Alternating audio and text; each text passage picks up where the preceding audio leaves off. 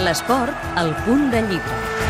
De Leo Messi ho sabem gairebé tot, però Ramiro Martín Llanos proposa una nova mirada a la vida de l'estrella del Barça. A Messi, un geni a l'escola del futbol, el periodista intenta descobrir quina part de culpa té la Masia perquè el futbolista argentí s'hagi convertit en un dels millors de la història intenta complementar la, la biografia que algun dia o escriurà ell mateix Leo o, o li escriuran, eh, però en aquest cas és, és un, un informe, una, una, una obra complementària que aporta el que significa la vida futbolística de Messi des de l'arribada de,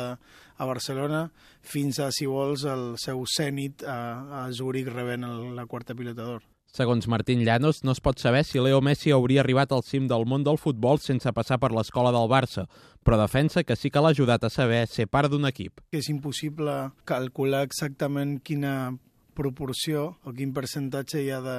del que portava Messi a dins, o de genèticament o de fàbrica, com vulguis dir-ho, i el que li ha, li ha portat a l'escola del Barça. En tot cas, sí que es nota en la seva manera de jugar que, com a mínim, sap ser un, una peça més d'un engranatge, una idea, sense eh, resignar la possibilitat de desplegar el seu talent. En el llibre queda clara la influència dels entrenadors de Can Barça sobre Messi, però Ramiro Martín Llano recorda que al llarg de la història hi ha hagut altres grans futbolistes que s'han format en altres clubs. N'hi ha d'altres jugadors que no han passat per Can Barça i que tenen molt talent, possiblement no, no, no tant com Messi, però que sí que tenen talent, i que no han tingut una,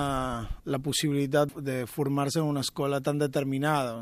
Messi, un geni a l'escola del futbol, es pot comprar a les llibreries per 14 euros.